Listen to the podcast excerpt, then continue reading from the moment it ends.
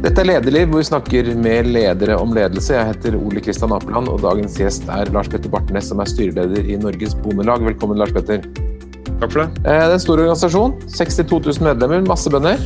Ja, vi er en mangfoldig organisasjon. Eh, vi har Organisasjonen vi har bygd opp gjennom et tredleda system, der at vi har ca. 450 lokallag rundt omkring i landet. Det betyr jo at det faktisk er bare én kommune som vi ikke har lokallag i, og det er Nordkapp. Eh, og så er vi per nå 16 fylkeslag. Eh, I løpet av høsten så blir det redusert til 14 eh, gjennom en tilpasning mot de nye regionene som myndighetene har satt inn. Og så har vi jo da sentralleddet som, som har tilholdssted i Landbrukets hus i Oslo. Og vi organiserer ikke bare bønder, vi organiserer grunneiere i, i mange sammenhenger, både mot elverettigheter og osv. Eh, og vi har mange medlemmer som er sympatisører, eh, rett og slett, eh, med utgangspunkt i den, det oppdraget vi har i samfunnet. Mm. Og Det som har vært en stor sak for dere i, i lang tid, og særlig det siste med, med, høring på en stortingsmelding, det er dette med konkurranse i dagligvaremarkedet. Det har kommet en melding som heter 'Dagligvare og konkurranse kampen om kundene'. og Der har dere mye meninger. Hva er essensen i meldingen? Altså, øh, vi ser jo på den meldinga som regjeringa har lagt fram som en viktig melding. Øh, og Mye av det analysegrunnlaget som ligger i meldinga er øh, relativt komplett og, og bra. Men vi har jo tatt til orde for at nå er tida inn for virkelig å sette inn tiltak. Vi mener at gjennom de si, siste 20 åra så har, har, det skjedd veldig mye konsolidering i dagligvaremarkedet. Eh, og makt er flytta over til eh, vi kaller det tre siloer, faktisk. Eh, at, at, forbrukermarkedet er delt. Det er ikke ett marked, men det er delt i tre siloer. Og, den, og Det er kort og godt sånn at det er en Coop-silo, det er en Norgesgruppen-silo og en Rema-silo.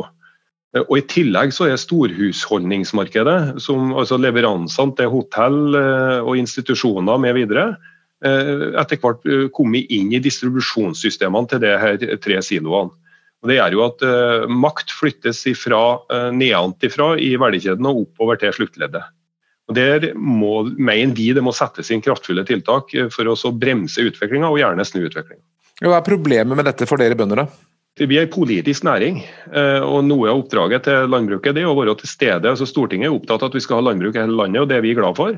Eh, og Det er logisk også, fordi at matjorda i Norge den ligger ikke bare eh, på Jæren i Rogaland, men den ligger faktisk spredt i hele landet oppover til Finnmark. Eh, for å ta det litt sånn overordna, så er jo vi bekymra for at etter hvert mer og mer makt flyttes over på handelen, så vil det etter hvert bli en utfordring for landbrukspolitikken. Og, og, de aktørene som, som, har en viktig funksjon i leveransen til forbrukere, og stå i den konkurransen, Eh, har også et oppdrag i å bidra til at uh, innenfor landbrukspolitikken Vi kaller det markedsregulatorer. Uh, Tine, Nortura og Felleskjøpet, som er de tre største her, har et viktig oppdrag å sørge for at alle bøndene i Norge har lik mulighet til å nå markedet til, til lik pris. Mm. mener du at at disse tre kjedene hindrer dere å gjøre det? Vi, vi er bekymra for utviklinga. Eh, kjedene som sådan forhindrer ikke det. Eh, men eh, hvis enda mer makt flyttes i den retningen, så er vi redd for at landbrukspolitikken sitt virkeområde blir svekka. Mm. Og det er ikke sånn at altså, Politikk tar tid. Og vi er i langsiktig næring. Gårdbrukerne investerer stor kapital eh, i en fase og skal forrente den kapitalen eh, gjennom Du har bygd deg et fjøs til flere millioner kroner, skal forrente den investeringa i ikke bare ett år, men kanskje 20-25 år. Eh, sånn at det er, en, det er en utvikling som går over tid.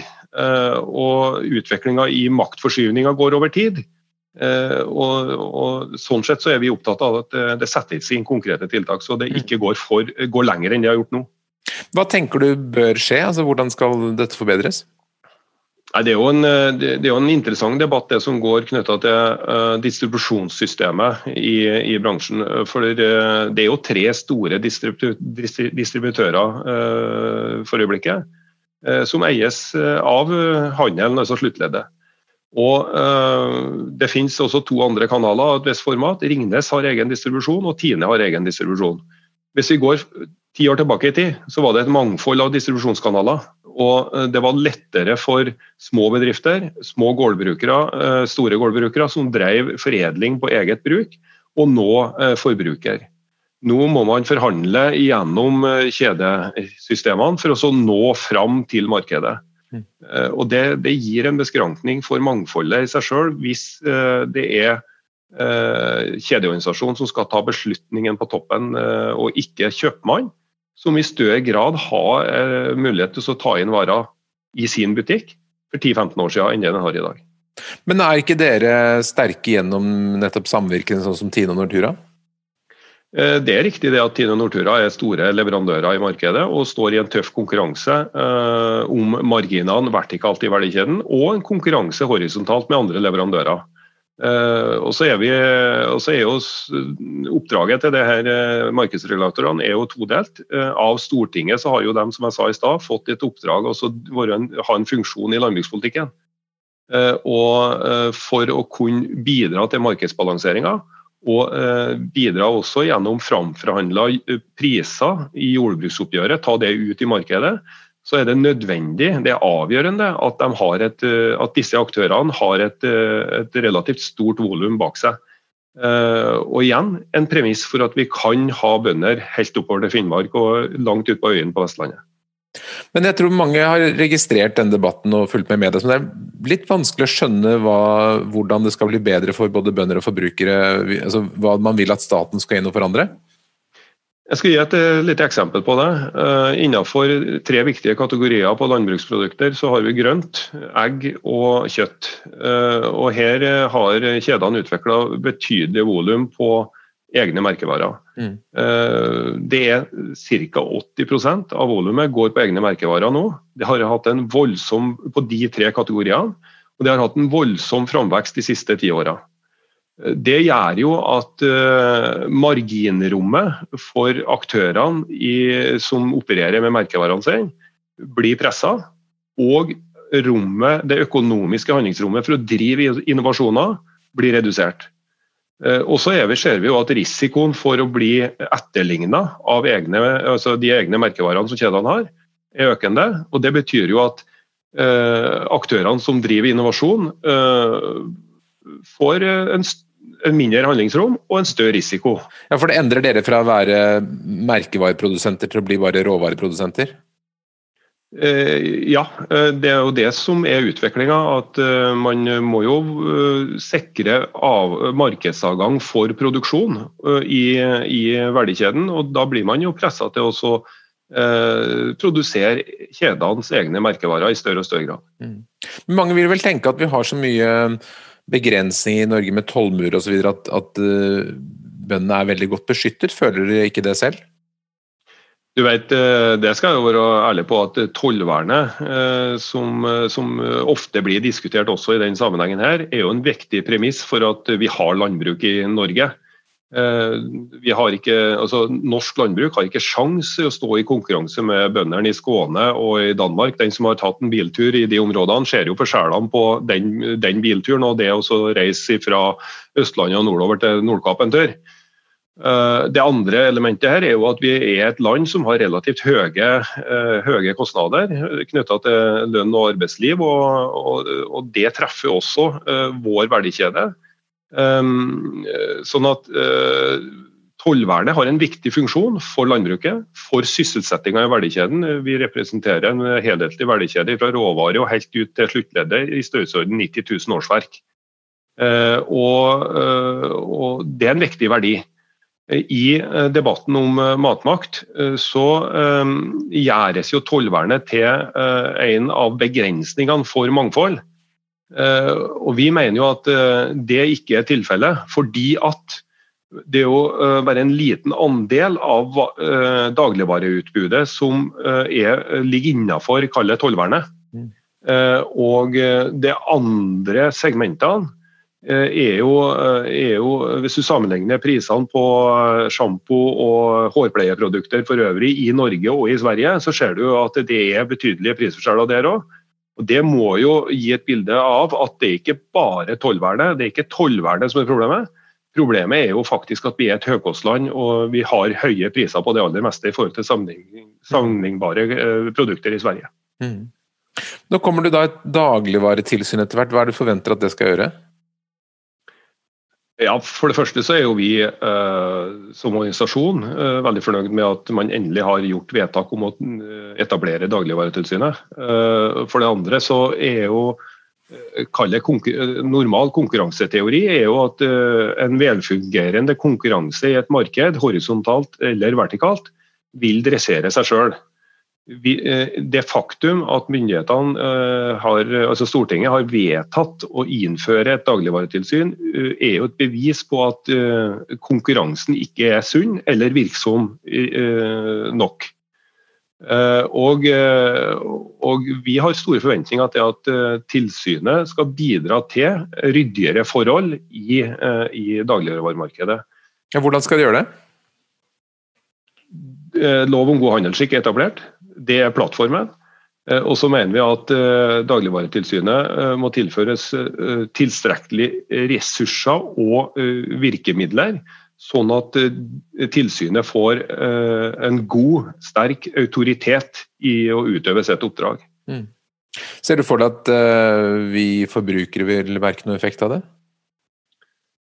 Ja, det ser jeg jo for meg. Eh, fordi at eh, Hvis vi tar utviklinga eh, og det Ta eksempelet EMV versus merkevarer igjen. da, så, så, så, mener jo jeg at ryddige, transparente forhold som da Dagligvaretilsynet skal bidra til, vil også bidra til at konkurransen mellom egne merkevarer og de etablerte merkevarene forhåpentligvis blir mer balansert. Mm.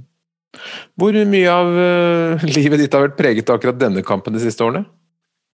Ja, det var Som leder i Bondelaget så må jeg jo si at um, før jeg ble leder i Bondelaget, så har, jeg jo helt siden 2005-2006 hatt en rolle som styremedlem i Nortura.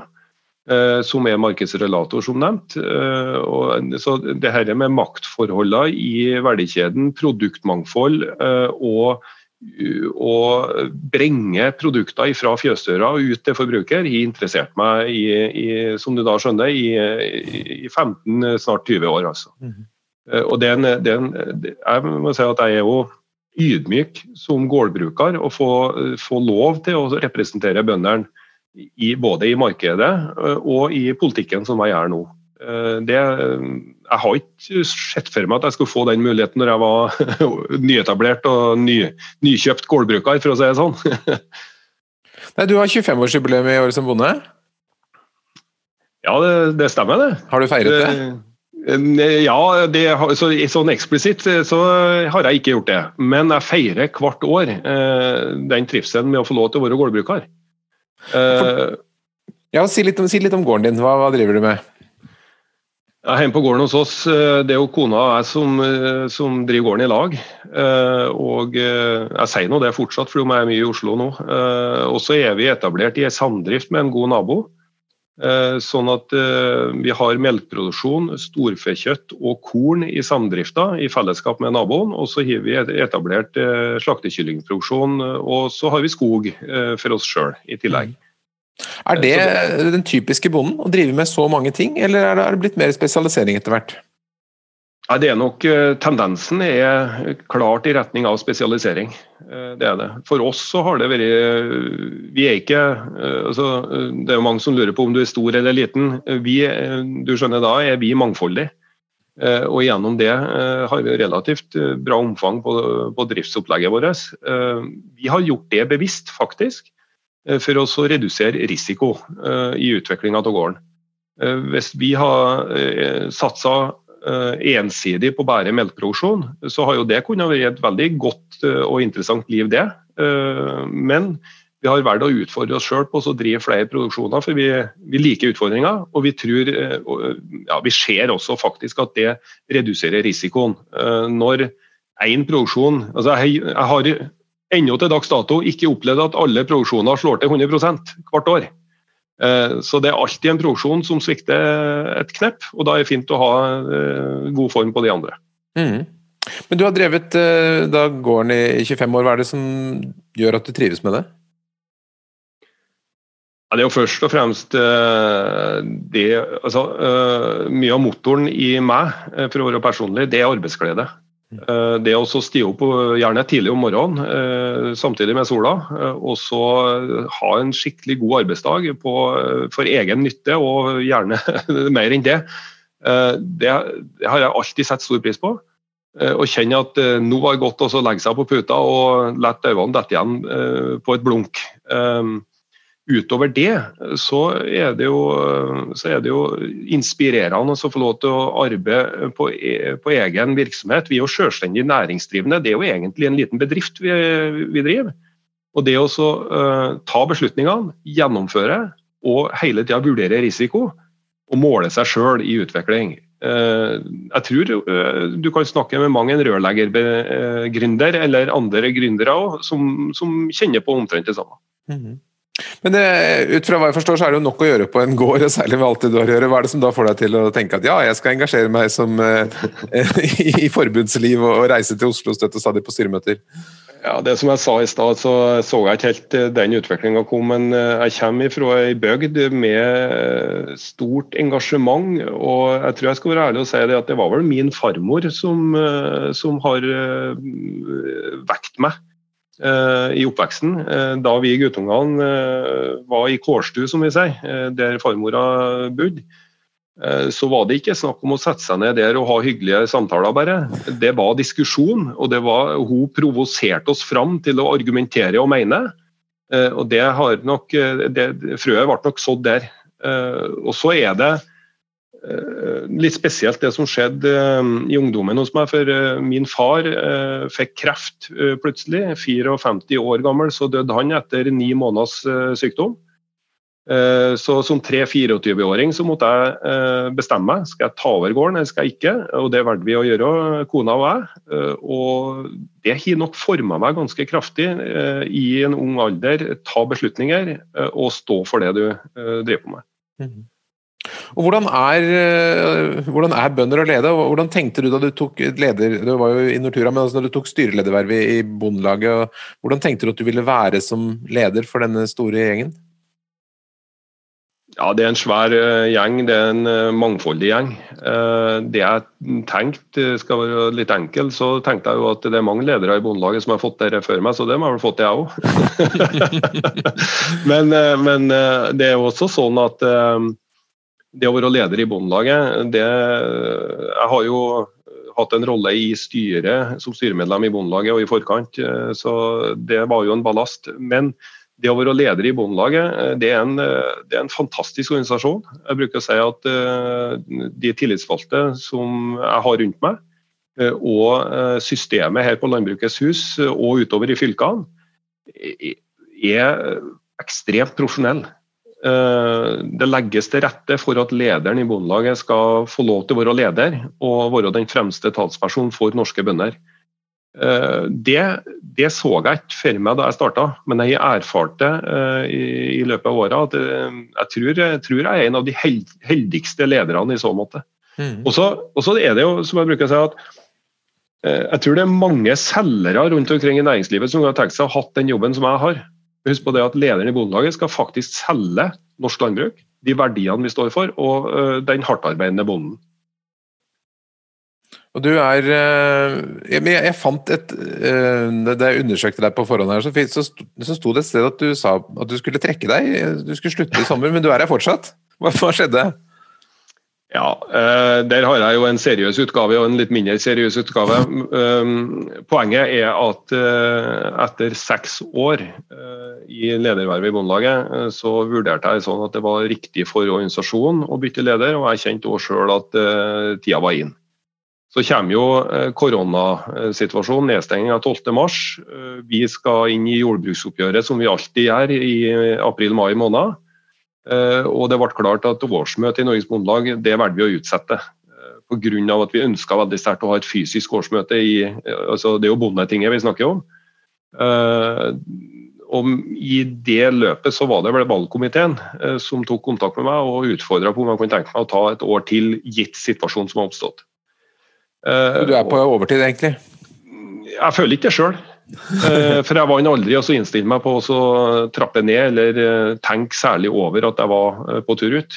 Så jeg har aldri kjent på overtidsbegrepet i den sammenhengen. Men den useriøse utgaven jeg, som leder i Bondelaget så jobber man jo tett med landbruksstatsrådene gjennom sitt virke. Og Jeg har jo jobba med Silvi Listhaug, Jon Georg Dale, Bård Hoksrud og nå Olaug Bollestad. Og det var jo da sånn at når jeg gikk ut i januar, så har jo Frp gått ut av regjering rett i forkant.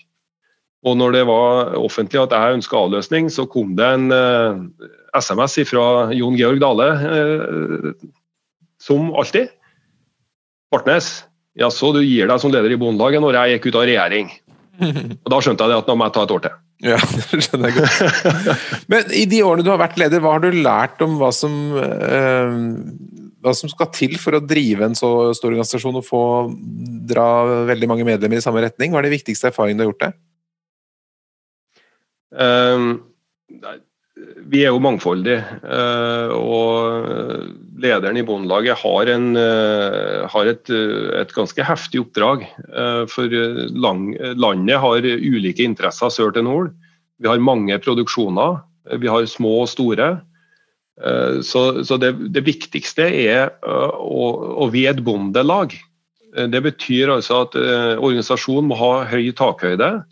Eh, sånn at vi har debattene gående både internt og rundt oss. Eh, vi, vi lever av debatt, argumentasjon og standpunkt.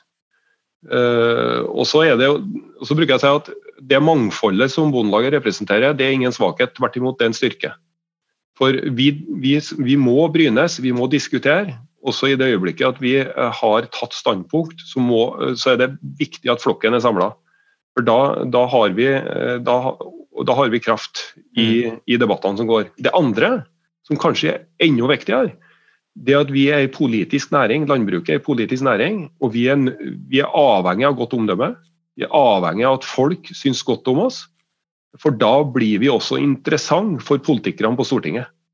I det øyeblikket at vi ikke har den plassen, så blir vi mindre interessant for politikerne på Stortinget, og da svekkes landbrukspolitikken. Mm. Du sier det så sterkt når flokken er samla, men hva gjør du for å samle flokken? Jeg bruker å ha med meg to ører og én kjeft.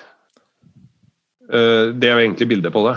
Eh, og når, når, ørene har fungert, og at du er lyttende, så finner du alltid et eh, standpunkt, og gjerne et godt standpunkt, for å samle flokken. Du lykkes ikke alltid like godt, det skulle bare mangle.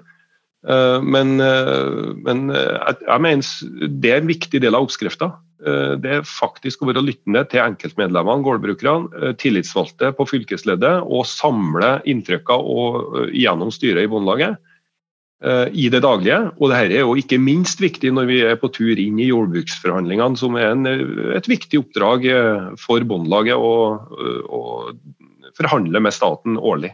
Mm. Men Dere er jo en klassisk organisasjon da, med hundrevis av lokallag og fylkeslag osv.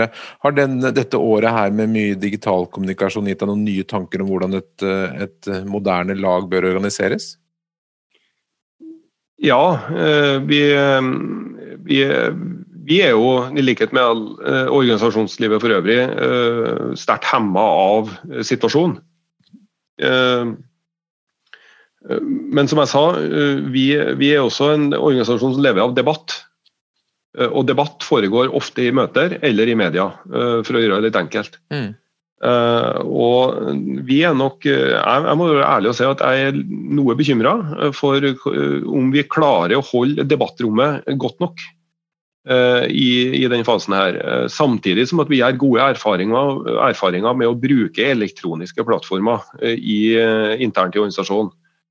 Eh, så jeg tror eh, når vi på et tidspunkt, eh, ingen vet når, kommer over i mer normalt leie i å drifte organisasjon, så er vi helt sikkert mer på den elektroniske flata, og avstandene i organisasjonen har da blitt mindre. Mm. Reiseavstand er ikke nødvendigvis det samme utfordringa som det var en gang. Men, men, jeg er veldig opptatt av at vi, at vi da sørge for at det fortsatt er stort rom i debatt, meningsbryting på fylkesnivå og lokallagsnivå. Innsidig orientert i, i møtesammenheng og aktivitetssammenheng eh, bare på elektroniske flater. Vi, vi, vi, trenger å møtes fysisk også i framtida. Eh, det, det, det er jeg veldig opptatt av.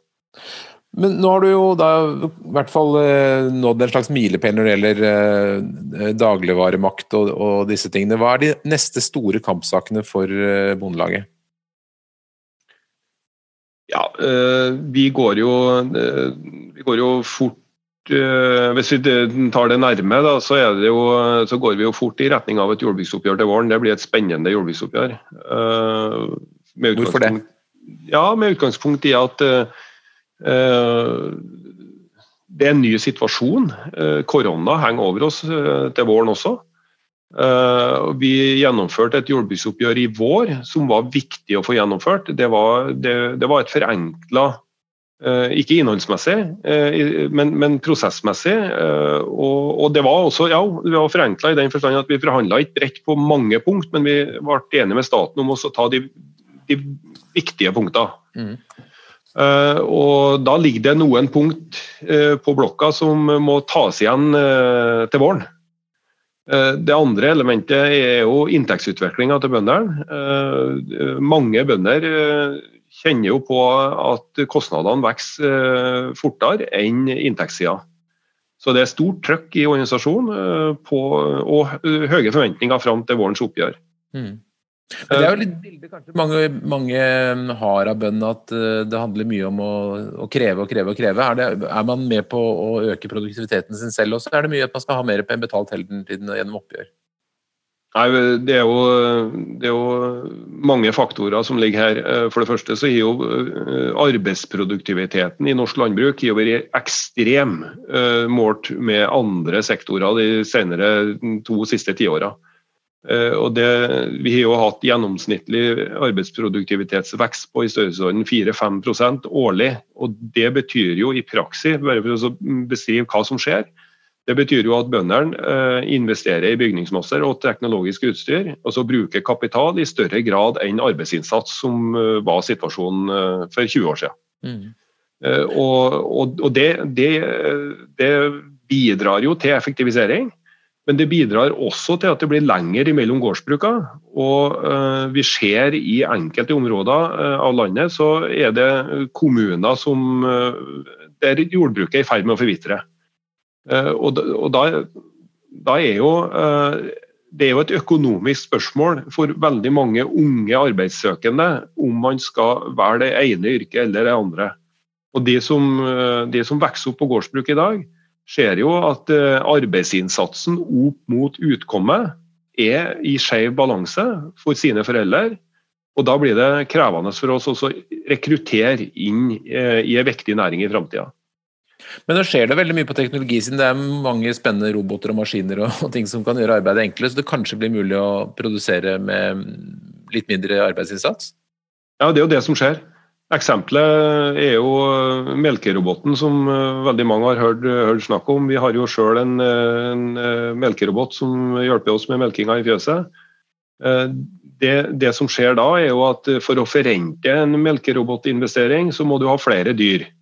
Og det andre som skjer, er at du bruker, du, du bruker teknologi i stedet for manuell håndtering av melkeoperasjon.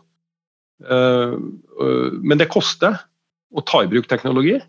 Uh, og uh, her, her, er det mange nå som, som, kjenner på at det holder på å bli for kostbart, og så være med på teknologiutviklinga også.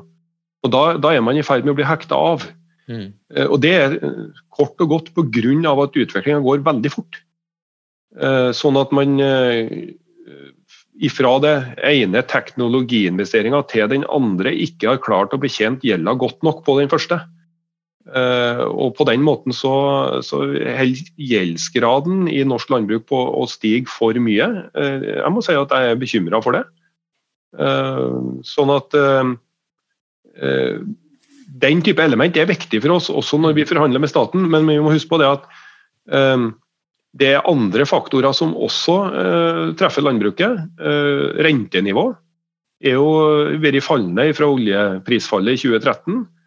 Det bidrar på den positive sida. Vi har, vi har element knytta til markedsbalanse eller ikke. Svinenæringa har gjennom en fire-femårsperiode hatt, hatt for stor produksjon og med fallende priser.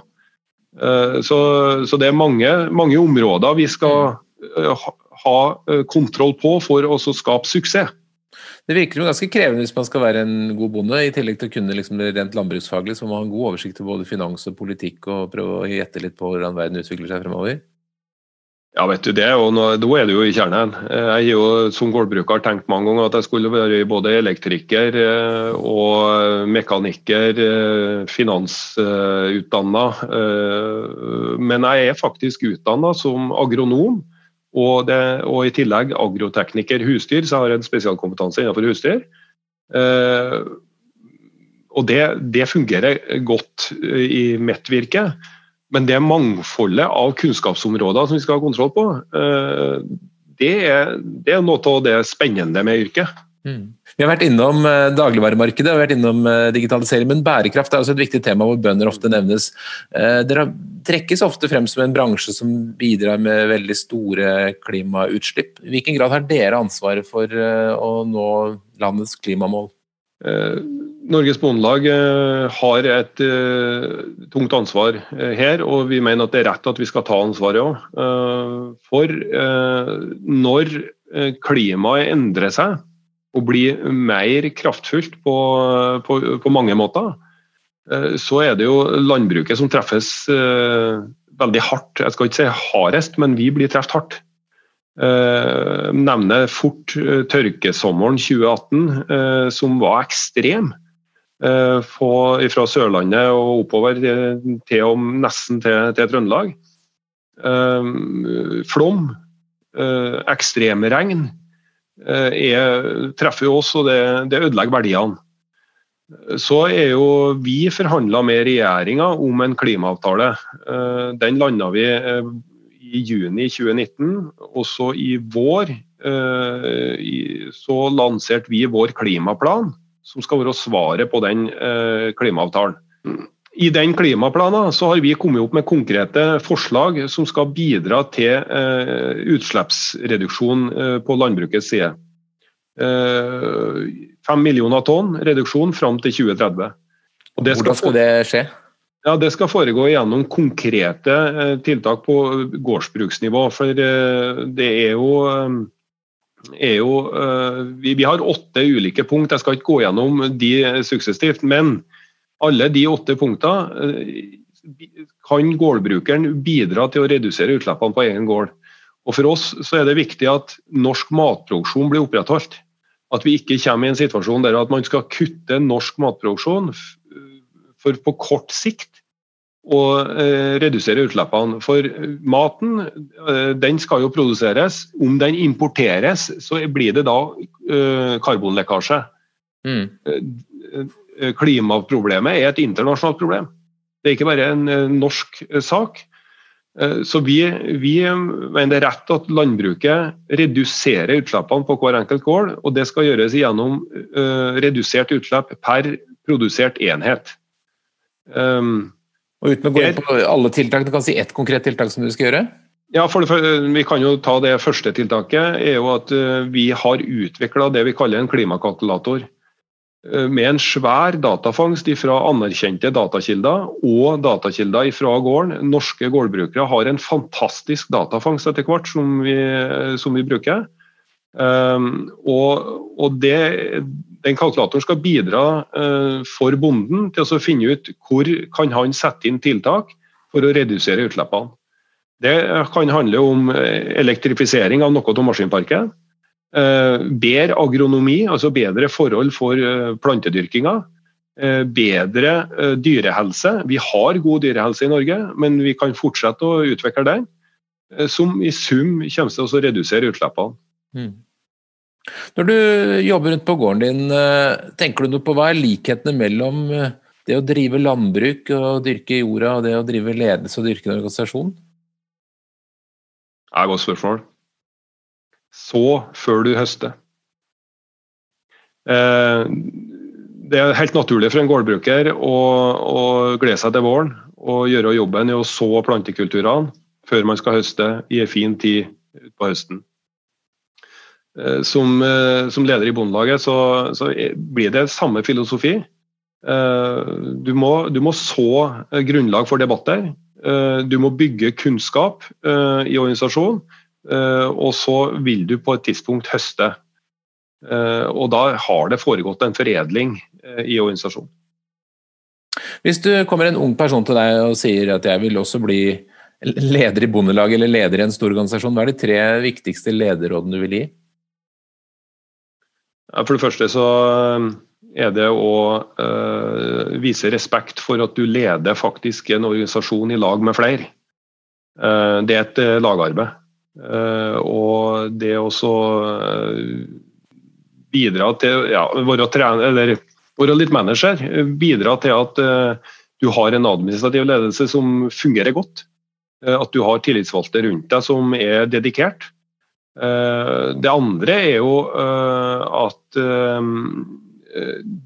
du, du, må være forberedt på å stå helt i front for organisasjonen, både i gode og dårlige tider. Og Det har jeg jo erfaring med at er krevende.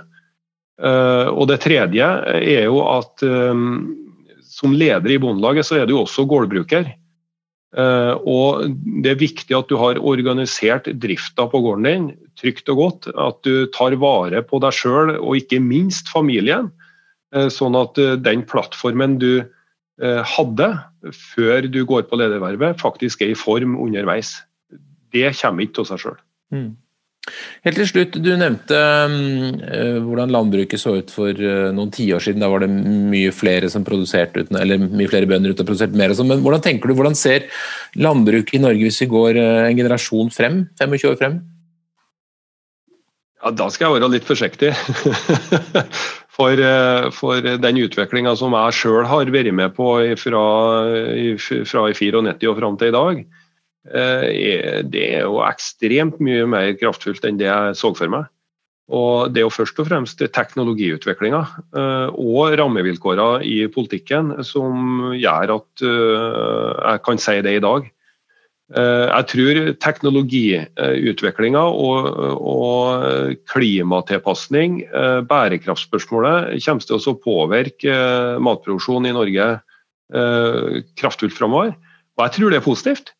Eh, for, eh, for, hver enkelt som eh, skal være med på reisa, så tror jeg mange tenker at eh, altså mennesket har en iboende trang i å utvikle. Det gjelder også oss gårdbrukerne. Eh, og det å så, på en måte ta inn over seg at det er en utviklingsreise eh, man skal være med på, og at man er bevisst på at som bonde så låner du faktisk et gårdsbruk i din periode, og du må jobbe med sikte på at eh, det kommer noen etter deg. Eh, så det, det blir Teknologielementet kommer nok til å være sterkt inne i utviklinga av landbruket framover. Blir det mye færre bønder? Det håper jeg ikke. Gitt at vi klarer å ha uh, god markedsavgang fra norsk landbruk framover også, uh, så håper jeg at vi klarer å bevare de, mange, mange av de gårdsbrukene vi har i dag. For ellers så svekker vi norsk landbruks evne til å fylle oppdraget. Det blir ikke det, det blir Altså, du er avhengig av å ha gårdsbruk i hver fjordarm og over enhver fjelltopp der matjorda ligger. Det er på mange måter eh, utfordringa her, altså. Det syns jeg var en fin avslutning. Lars Petter Bartnes, tusen takk for at du kom til Lederliv. Takk for muligheten. Lederliv er en podkast fra Appeland. Redaksjonen består av Ellen Paulsen, Lars Jarle Melum, Lars Volden og meg, som heter Ole Kristian Apland. Hvis du vil høre mer, så trykk abonner. Da får du varsel når det kommer nye episoder. Og hvis du har noen tips, så send en e-post til tips at lederliv eller til meg, ole.apland.no. Takk for at du lytter.